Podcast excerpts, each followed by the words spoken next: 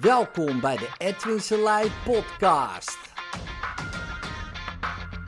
Voor inspiratie, stimulatie en motivatie om je dag goed door te komen.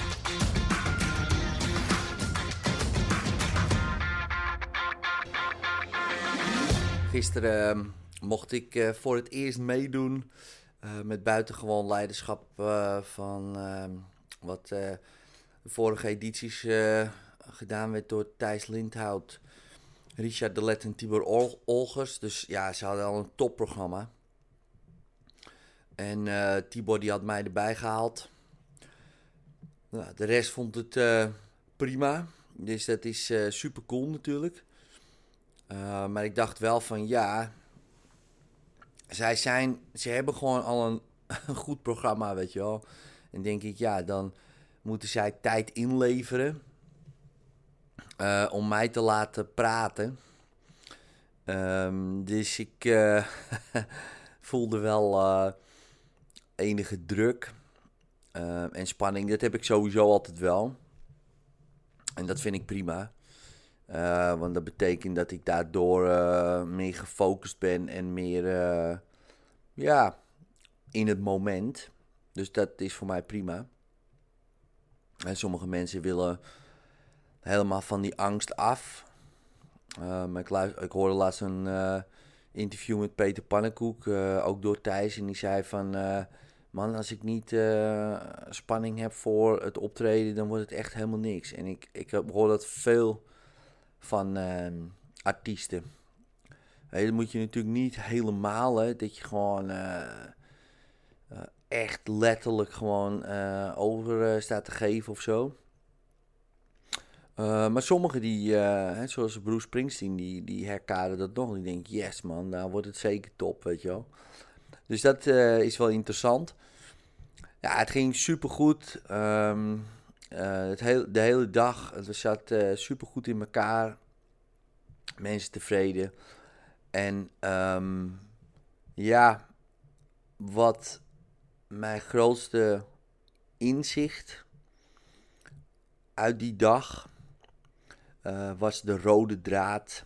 En was ook het verhaal wat Tibor vertelde aan het begin. Wat eigenlijk de opmaat was voor de hele dag en dat ging over afwijkers. En vroeger werd je, ja, moest je als, uh, als je een andere huiskleur had, moest je gewoon ook op andere plekken zitten. Dat is nog niet zo heel lang geleden.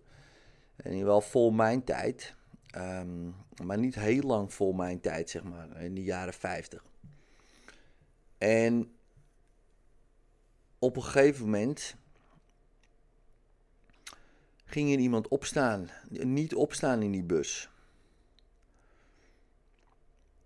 En heel veel mensen kennen het verhaal van Rosa Parks, uh, die daar beroemd mee is geworden. Maar die was niet de eerste die dat deed. Maanden daarvoor was er een ander, andere vrouw die dat deed. Meisje van 15, Claudette. En omdat dat meisje het niet deed en die werd ook uh, vastgezet en dat soort dingen, durfde Rosa Parks dat ook te doen. En dankzij de actie van Rosa Parks kwam de beweging op gang, ook uh, die Martin Luther King leidde. En de boodschap was: iemand moet beginnen met af te wijken van de norm. Als de norm slecht is, zoals oké, we moeten mensen scheiden op huidskleur, dat is een hele slechte norm, dan moet iemand daarvan gaan afwijken en opstaan. Of juist niet opstaan. En dat, je weet nooit wie dat dan inspireert. En wat het in gang zet. Haar naam, Claudette, weet bijna niemand. Uh, en ik kende dat verhaal ook niet. En ik dacht, wauw, ja man. Wat jij kan doen dus om af te wijken. Wat jij uh, nu kan doen door bijvoorbeeld wel te zeggen waar je voor staat. Of juist niet mee te gaan met um, je tussen haakjes vrienden. Of juist wel mee te gaan met andere mensen. Misschien ook wel je vrienden. Weet je wel, dat wat afwijkt van de norm, uh, kan een hele beweging in gang zetten. de vlinderslag die een tornado uh, veroorzaakt, hè, kleine dingen kunnen grote gevolgen hebben. Kijk, de norm is slecht. En wat normaal is, is nu te zwaar. Wat normaal is, is dat mensen meer sterven van te veel eten dan te weinig. Wat normaal is, is dat je ziek gaat worden na je veertigste.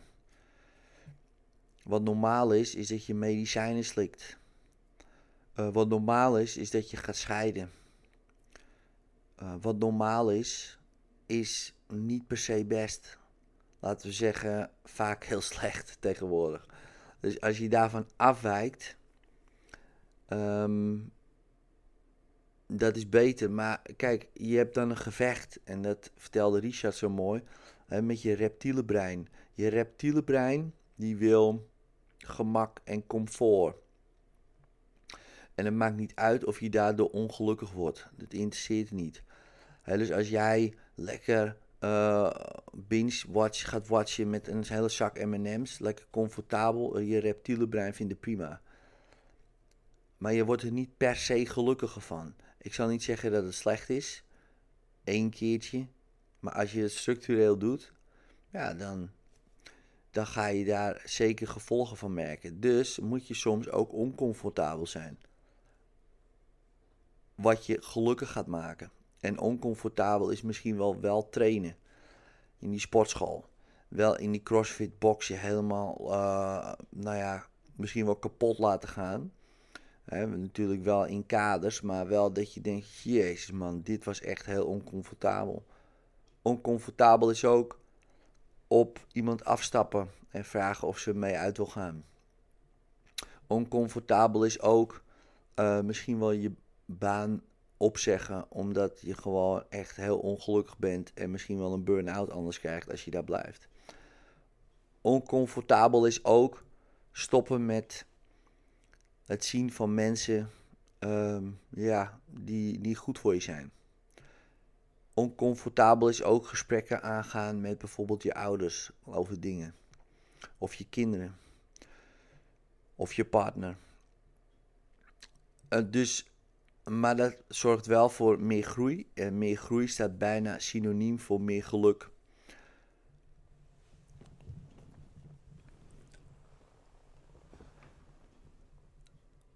Dus als ik wat heb meegenomen uit die dag, en dat heb ik natuurlijk, eh, naast mijn eigen verhaal wat ik te melden had,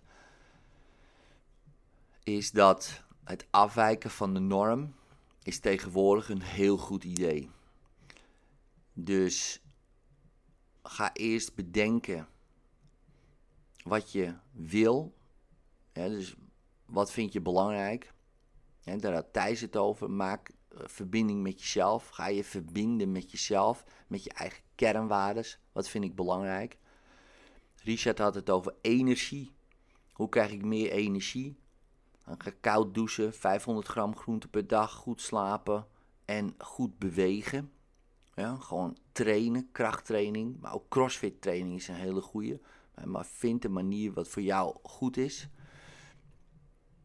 Hoe hou je je focus? Ja, de focus op groei en zingeving in plaats van succes en geluk. maar groei en zingeving zorgt voor succes en geluk. En het streven van succes en geluk zorgt niet per se voor zingeving en groei. En die twee zijn super uh, belangrijk om te scheiden. Succes en geluk is extern, groei en zingeving is intern.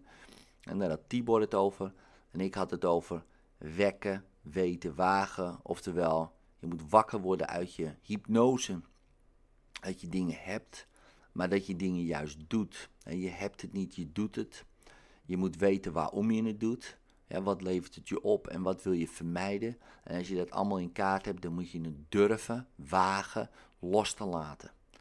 Los te laten, zodat je kan groeien, zodat je kan pakken wat je graag wil. En dat is de in, in een notendop de hele dag verteld. Ehm, het was een geweldige dag. Volgend jaar doen we hem weer, ergens in mei.